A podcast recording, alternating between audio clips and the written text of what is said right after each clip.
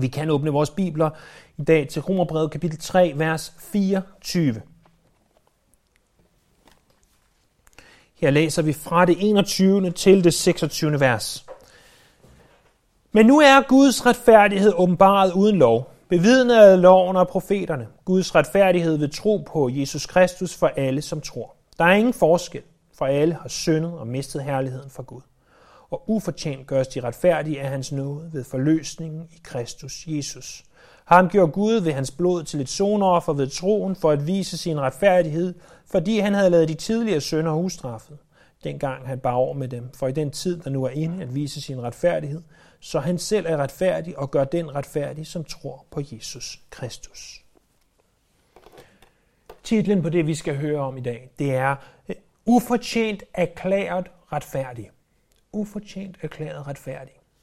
Og retfærdiggørelsen, det var omdrejningspunktet for reformationen, som jo fandt sted for øh, cirka 500 år siden. Luther han sagde om retfærdiggørelsen, at det er den vigtigste af alle doktriner. Uden retfærdiggørelsen kan kirken ikke eksistere i en eneste time.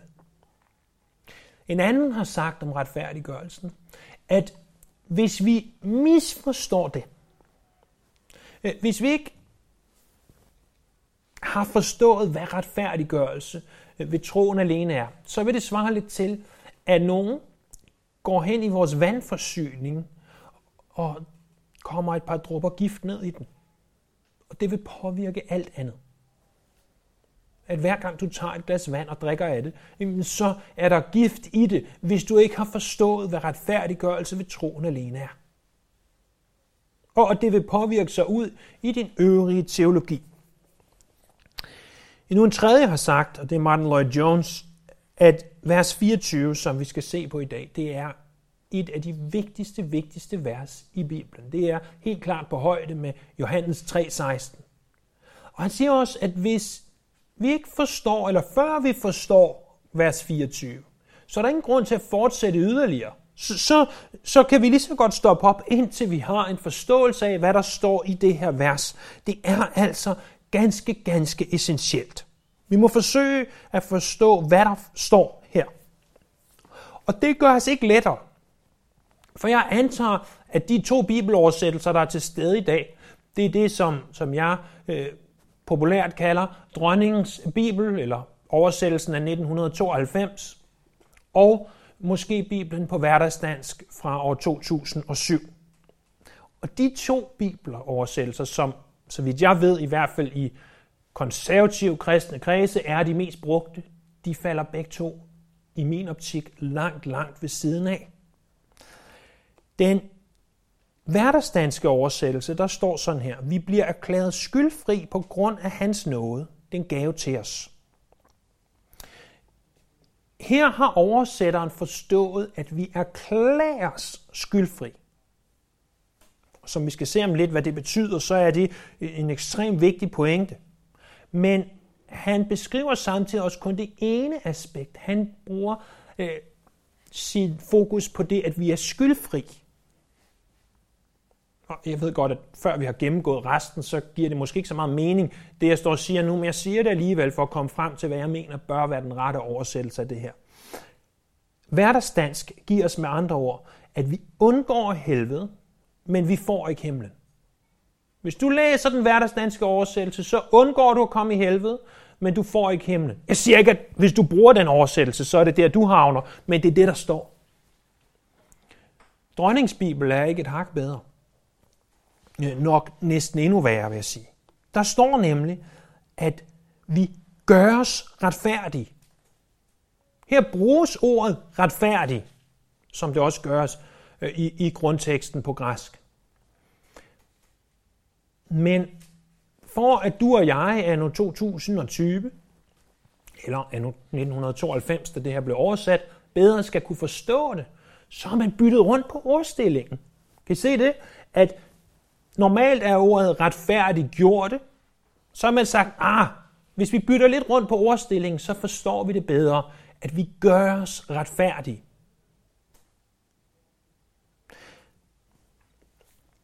Men hvis jeg tager mit spejl her, og går hen og holder det op foran dig, og du ser dig selv i spejlet, og er sådan helt bundærlig, og du spørger, lille spejl på væggen der, er jeg retfærdig? Så må svaret være nej. Du er ikke retfærdig. Du opfører dig, jeg opfører mig ikke retfærdigt. Der er noget galt med den her oversættelse, for vi gør os ikke retfærdige, vi erklærer os retfærdige. Det er en milvid forskel, som vi skal se om lidt. Og jeg kan godt forstå, at det er svært at oversætte det her. Og, og jeg påstår på ingen måde at være øh, mere intelligent øh, end de mennesker, der har brugt timer og timer på at oversætte Bibelen. Jeg læner mig altså op af det, man, man oftest gør på engelsk, og den måde, man oftest oversætter det på engelsk, og sådan som øh, jeg med min ganske begrænsede græske viden vil oversætte det her. Og jeg vil tage en kombination af de to. En kombination af de to oversættelser er i min optik den bedste og klareste øh, forståelse, vi opnår det her. Det er, at vi er erklæret retfærdige, ufortjent og ved hans nåde. Vi er erklæret retfærdige, ufortjent og ved hans nåde. Hvis jeg kom med en bibeloversættelse, det har jeg ingen intentioner om eller evner for, så vil det være sådan, jeg oversat det. Vi er erklæret retfærdige, ufortjent af hans nåde. Og hvorfor så bruge de første fem minutter på at forklare, at oversættelsen i vores danske bibel ikke er korrekt? Eller danske bibler ikke er korrekt. Jo, det er, fordi det her er altså essentielt. Det er ganske vigtigt. Vi skal se på, hvad retfærdiggørelse er. Hvad er retfærdiggørelse? Og den første pointe, det er, at retfærdiggørelse er noget, der erklæres eller siges om os, ikke noget, der sker i os. Retfærdiggørelse er noget, der siges om os, ikke noget, der sker i os. Det at være retfærdiggjort er ikke det samme som at gøres retfærdig. Jeg kan godt forstå, at når du tager ordet og lytter til det, at det er der, man kommer hen. Og det er også det, som vores dronningens bibel oversætter det til. At være retfærdig er jo at leve op til en bestemt standard. Det er at sige, at jeg er retfærdig i forhold til en eller anden standard. Den standard kan så være færdselsloven, det kan være ja, mundbindsloven, om I vil, øh, og, og så videre. Vi kan sige, at vi er retfærdige. Vi lever op til den standard, som den lov sætter.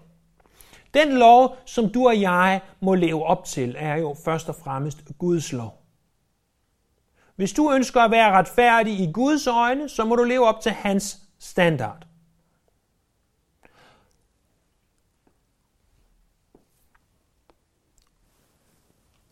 Jeg går ud fra, at når I er her i dag, så er det fordi, at I tænker, at I er kristne.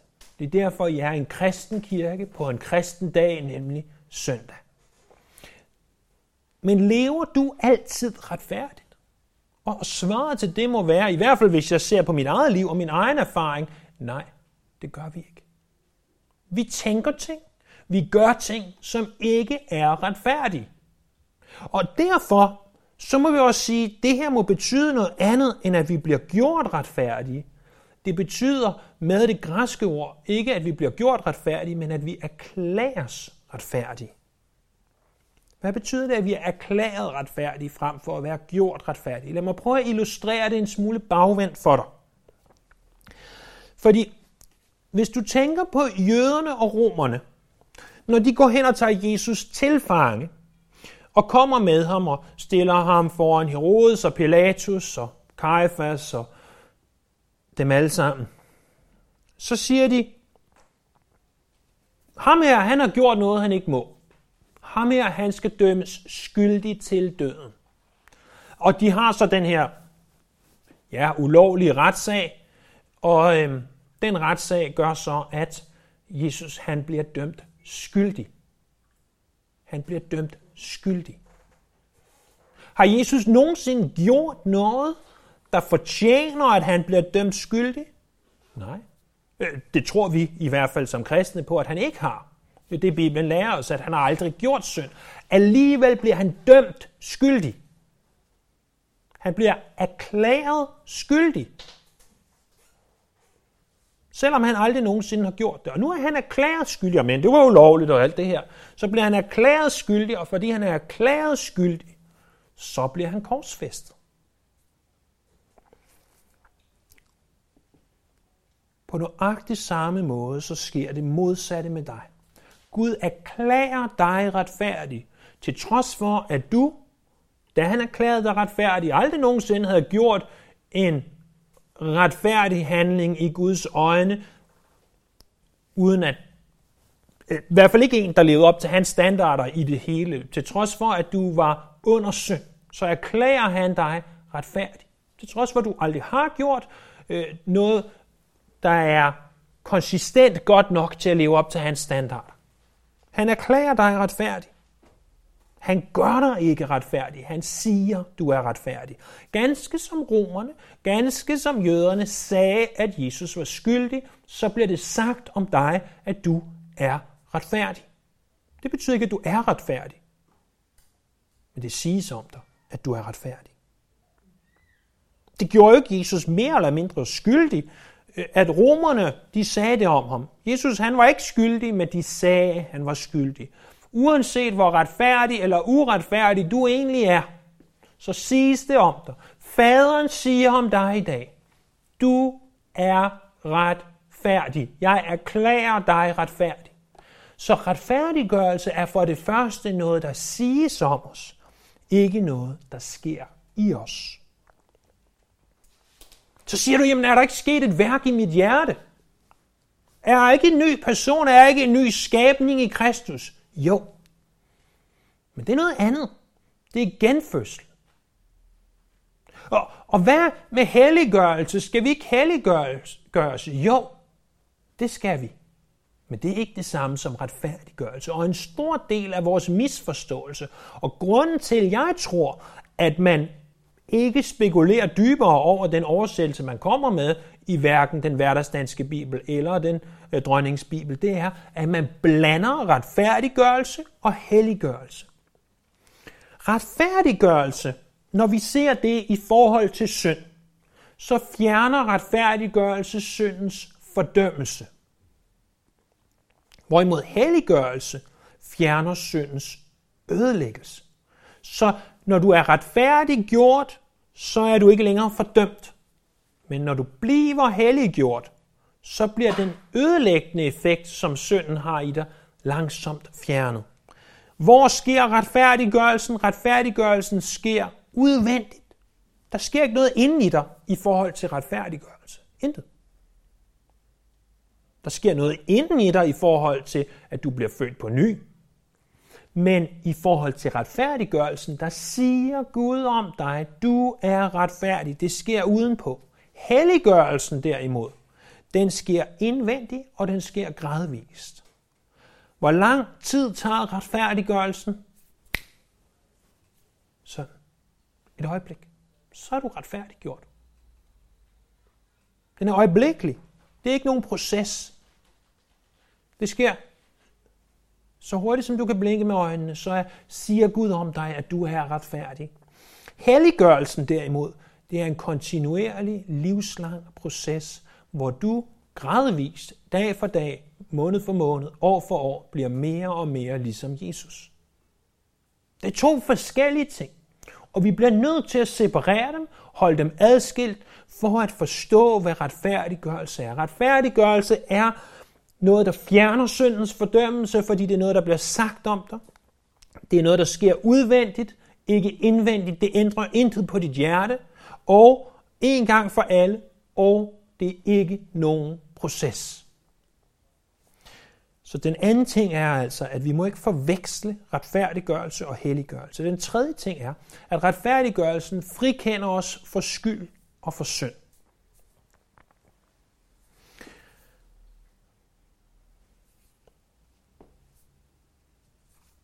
Så der hvor retfærdiggørelsen gør, at du egentlig ikke oplever en nogen ændring i dit hjerte, så gør du det ved, at du bliver helliggjort. Men til gengæld så gør retfærdiggørelsen det, at alle de syndige, skyldige handlinger, som du nogensinde har gjort, og nogensinde kommer til at gøre. Dem siger Gud, de regnes ikke længere imod dig. Uanset hvad du har gjort, uanset hvad du kommer til at gøre, så siger jeg, alt det, det gælder ikke længere, for du erklæres retfærdiggjort. Jeg siger om dig, du er retfærdig. Din konto, din gæld er slettet. Vi læser om det her i 2. Korinther kapitel 5, vers 21. Ham, der ikke kendte til synd, har han gjort til synd for os. Vi kan sige, at i retfærdiggørelsen, der sker der en transaktion. En transaktion, hvor at du giver Jesus al din skyld og al din synd. Det er den ene transaktion, der sker. Du kommer med alt det ravelse, du nogensinde har gjort. Og alt det forfærdelige, du nogensinde kommer til at gøre. Og du siger, Jesus, her er det. Ham, der ikke kendte til synd, han blev gjort til synd for os. Så da Jesus hang på korset, og hold nu fast, nogen talte tidligere om at holde fast i stolen, hvis jeg taler for hurtigt. Det her det er ikke fordi, jeg taler hurtigt. Det er fordi det her, det er ganske, ganske, ganske uforståeligt. At da Jesus hang på korset, der ser faderen på Jesus. Og når han ser Jesus, så ser han ham, som om han har gjort den synd, som du gjorde i morges, da du stod op, eller i går, eller i morgen, eller for 10 år siden, eller om 10 år. Da Jesus hang på korset, så faderen ham som om, at han havde gjort synden. Fordi du har jo taget alt dit og overført til hans konto. Al din skyld, al din synd, al den gæld, om du vil. Og det her, det er et regnskabsord. Al din gæld, om du vil, er overført til Jesus. Og når faderen ser på Jesus, så ser han ham, som om at han har gjort alt det, som du egentlig har gået rundt, og jeg egentlig har gået rundt og har gjort. Og hvis det ikke blæser os af stolene, sådan rent åndeligt set, så ved jeg ikke, hvad der gør. Fordi det er altså vildt at tænke på. Jeg ved jo godt, at I har hørt alle de her ting øh, i enkelte bidder før, om ikke andet i tidligere prædikner her. Men lad at få det samlet og se, hvad retfærdiggørelsen er, det kan altså få os op af vores stol.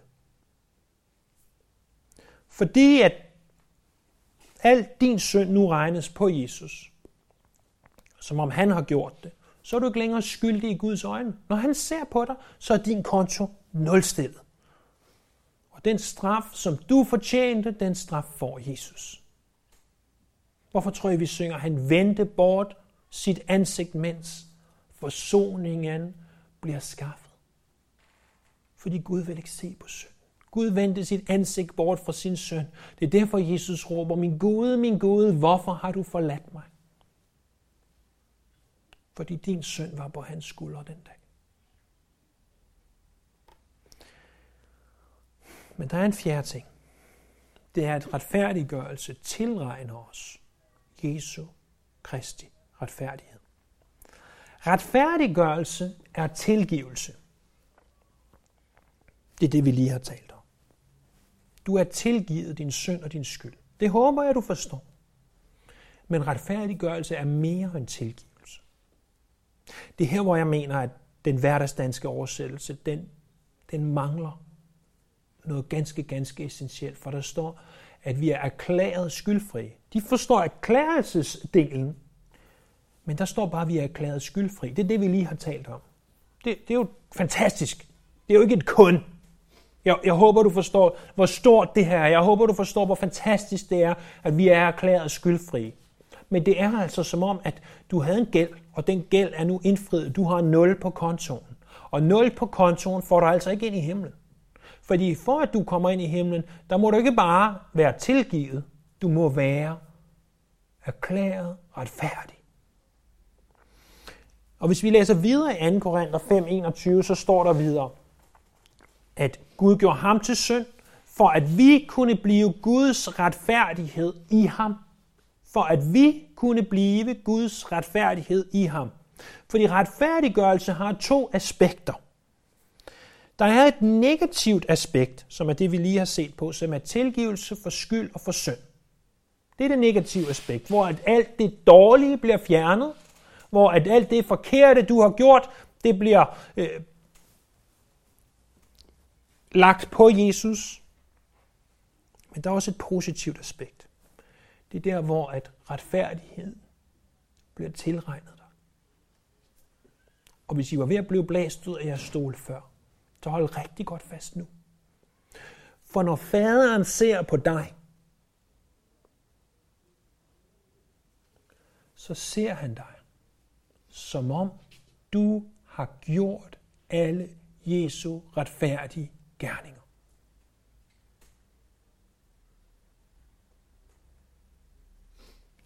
Det, det, er jo vanvittigt. For prøv at tænke på, hvor stor en synder jeg er. Hvor stor en synder du er. Og når faderen ser på dig, så ser han slet ikke dig og alt det forkerte, du har gjort. Eller alt det gode, du ikke har gjort. Så ser han dig, som om du har gjort alle Jesu Kristi retfærdige gerninger. Halleluja. Pris ham. Vi bliver tilregnet retfærdighed. Og det er derfor, at retfærdiggørelsen ikke bare er en tilgivelse af skyld og synd, men retfærdiggørelsen er også, at vi gøres retfærdige. Nå nej, vi erklæres retfærdige. Vi erklæres som om, vi har gjort alle Jesu Kristi retfærdige gerninger. Wow.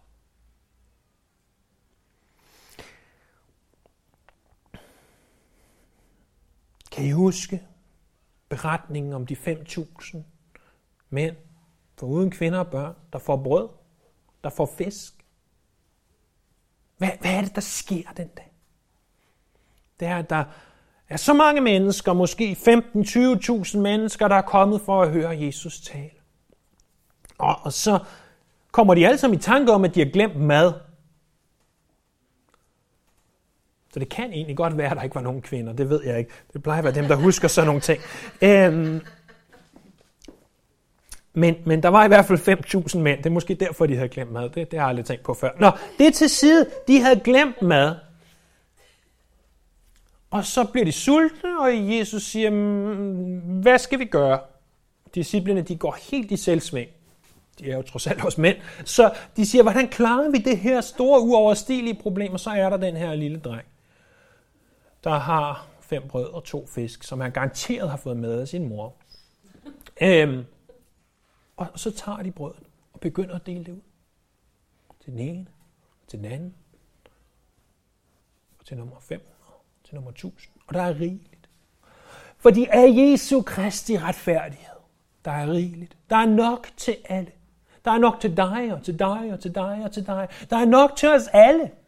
Og, og ligesom han den dag kunne blive ved med at dele ud, sådan kan han også blive ved med at dele ud af sin retfærdighed.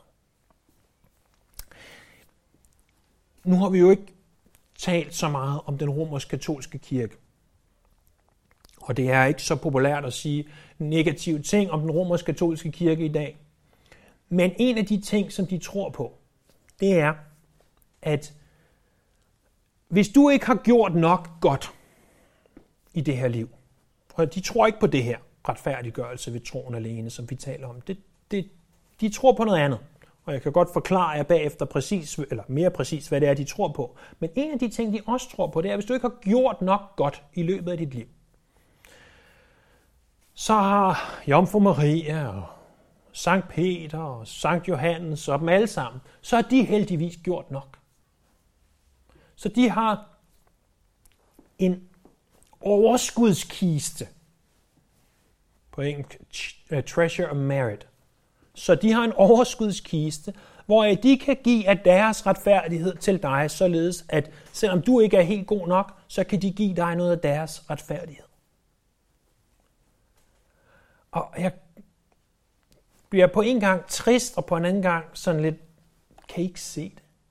I skal ikke have af Jomfru Marias skattekiste med gode gerninger, eller Peters skattekiste med gode gerninger. I skal have fra Jesu forråd af gode gerninger. Fra Jesu, om I vil, skattekiste af gode gerninger. Det er der, fordi han har allerede erklæret os, faderen, skyldfri. Han har erklæret os, at vi er lige så retfærdige som Jesus Kristus. Til trods for, at det ikke er din oplevelse.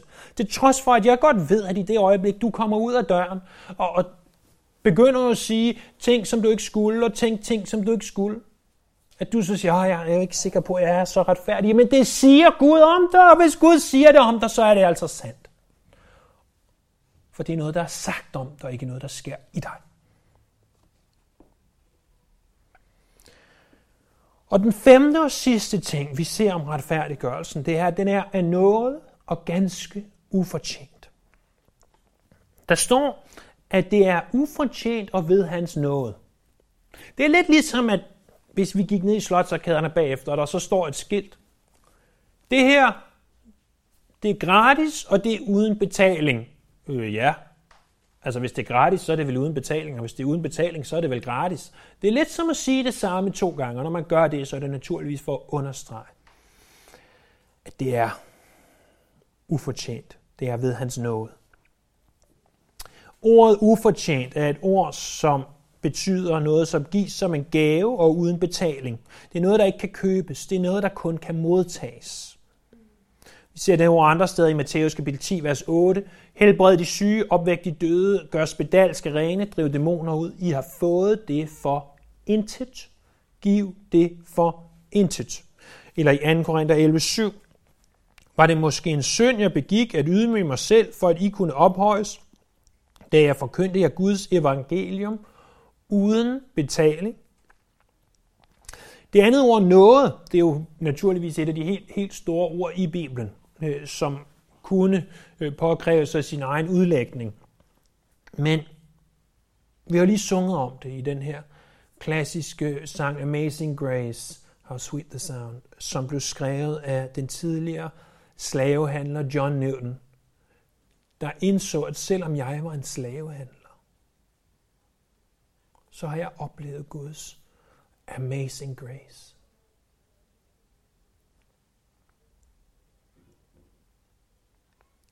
Det er ordet øh, på græsk karis, som fremkommer 147 gange i det nye testamente. 65 procent af tilfældene, altså cirka de 100 gange, øh, er det Paulus, der, der bruger ordet. Noget, det er venlighed, der vises en, som slet ikke fortjener det. Noget er venlighed, der vises en, som slet ikke fortjener det. Efeserne kapitel 2, vers 8 og 9, for den nåde er I frelst ved tro. Det skyldes en lille smule jer selv. Det skyldes ikke jer selv. Det skyldes ikke jer selv. Gaven af Guds, står der. Det skyldes ikke gerninger, for ingen skal have noget at være stolt af. Men en retfærdiggørelse er ikke noget, du har gjort. Det er noget, du modtager. Det er noget, Gud siger om dig. Det eneste, du kan gøre, det er at tro. Og tro er ikke en gerning. For det er jo ikke troen i sig selv, som vi lærte øh, for nogle uger siden. Vi skal ikke tro på troen, vi skal tro på Jesus.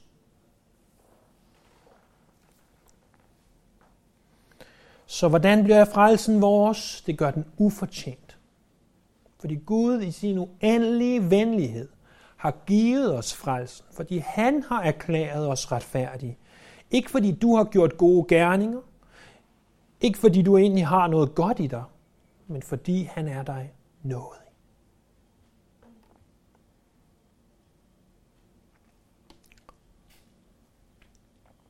Lad os prøve at konkludere på de her ting. Jeg, jeg kan for det første ikke understrege nok, at retfærdiggørelse er noget, der siges om dig, erklæres om dig, ikke noget, der sker i dig. For det andet, at retfærdiggørelse har to aspekter. Et negativt aspekt, hvor du erklæres skyldfri.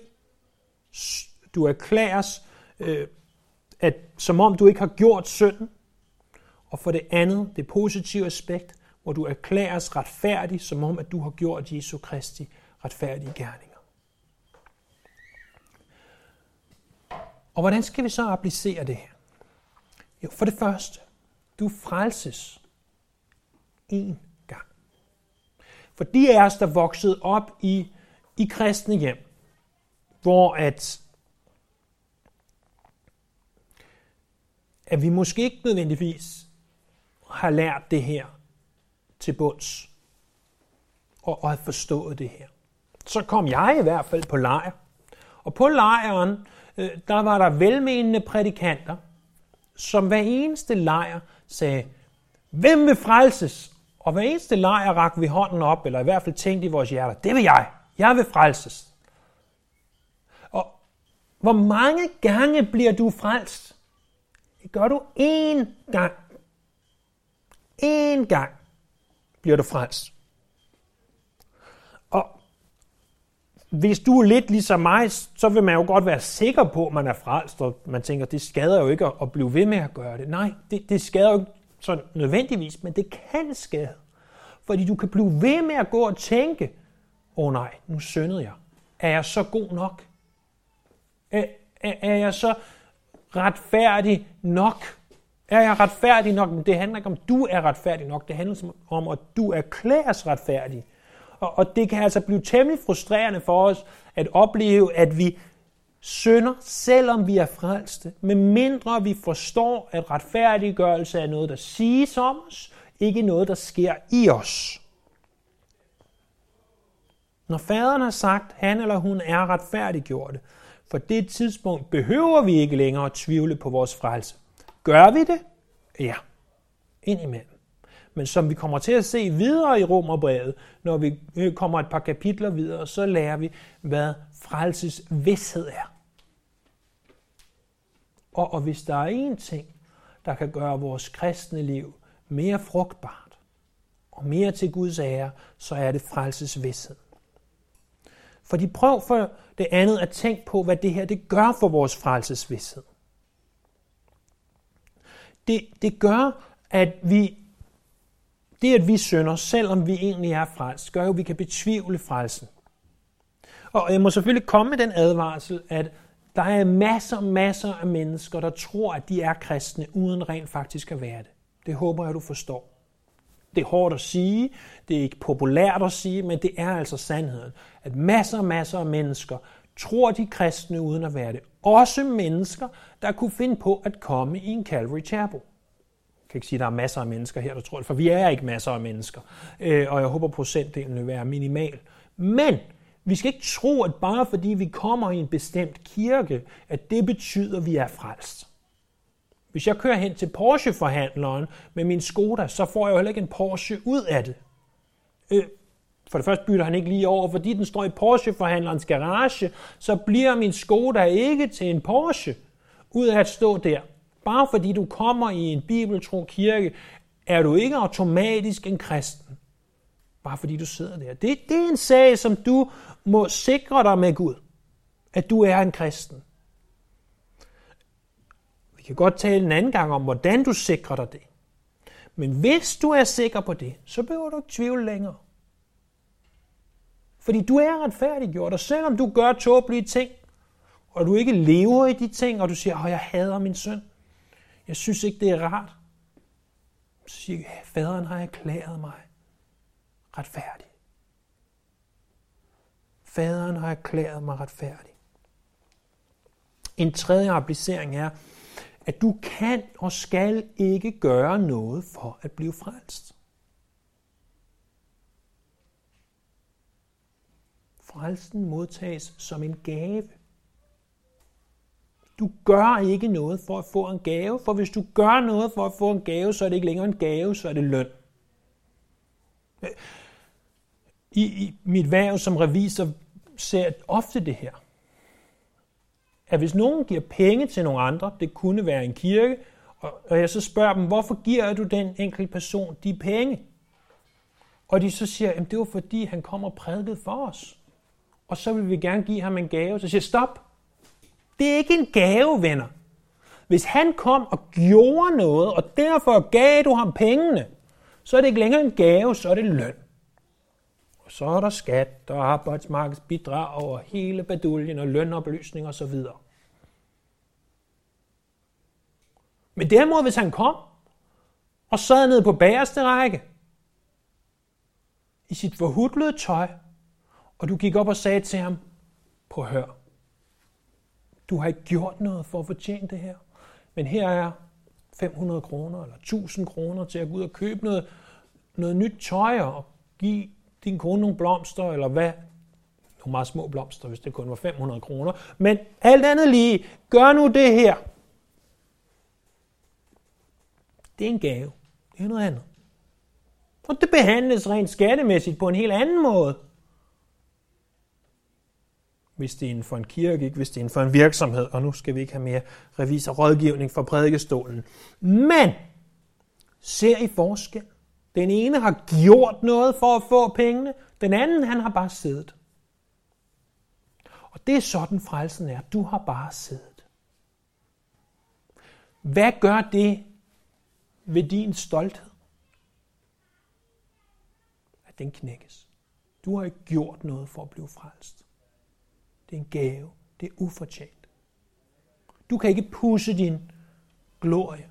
Du kan ikke sige, ej, hvor er jeg fantastisk, at Gud frelste mig. Nej, nej. Du og jeg er som den forhudlede mand på bagrækken, hvor Gud kommer og siger til ham, her er frelsen. Gratis. Ufortjent. Ikke fordi du har gjort en gerning, men fordi jeg vil give den til dig. Og for det fjerde og sidste kan vi applicere det således, at vi må tilbede ham for, hvad han har gjort. Jeg håber, at det her leder til, at vi forstår dybere, hvad det er, han har gjort for os. Jeg håber også, at det her er ganske fundamentalt for dig, og det var noget, du vidste i forvejen.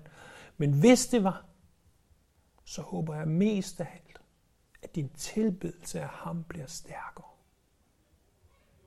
Al ære må gå til ham. Det er jo ham, der har givet os gaven, frelsen. Men tænk så, hvor vidunderligt det er.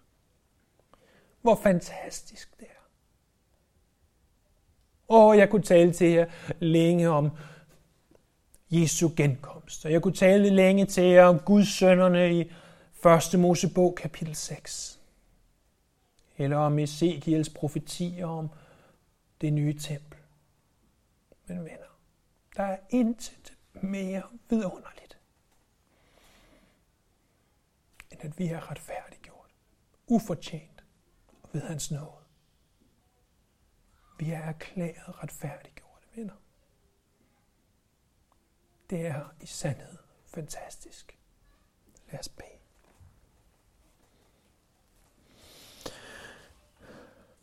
Himmelske Far, skaber Gud.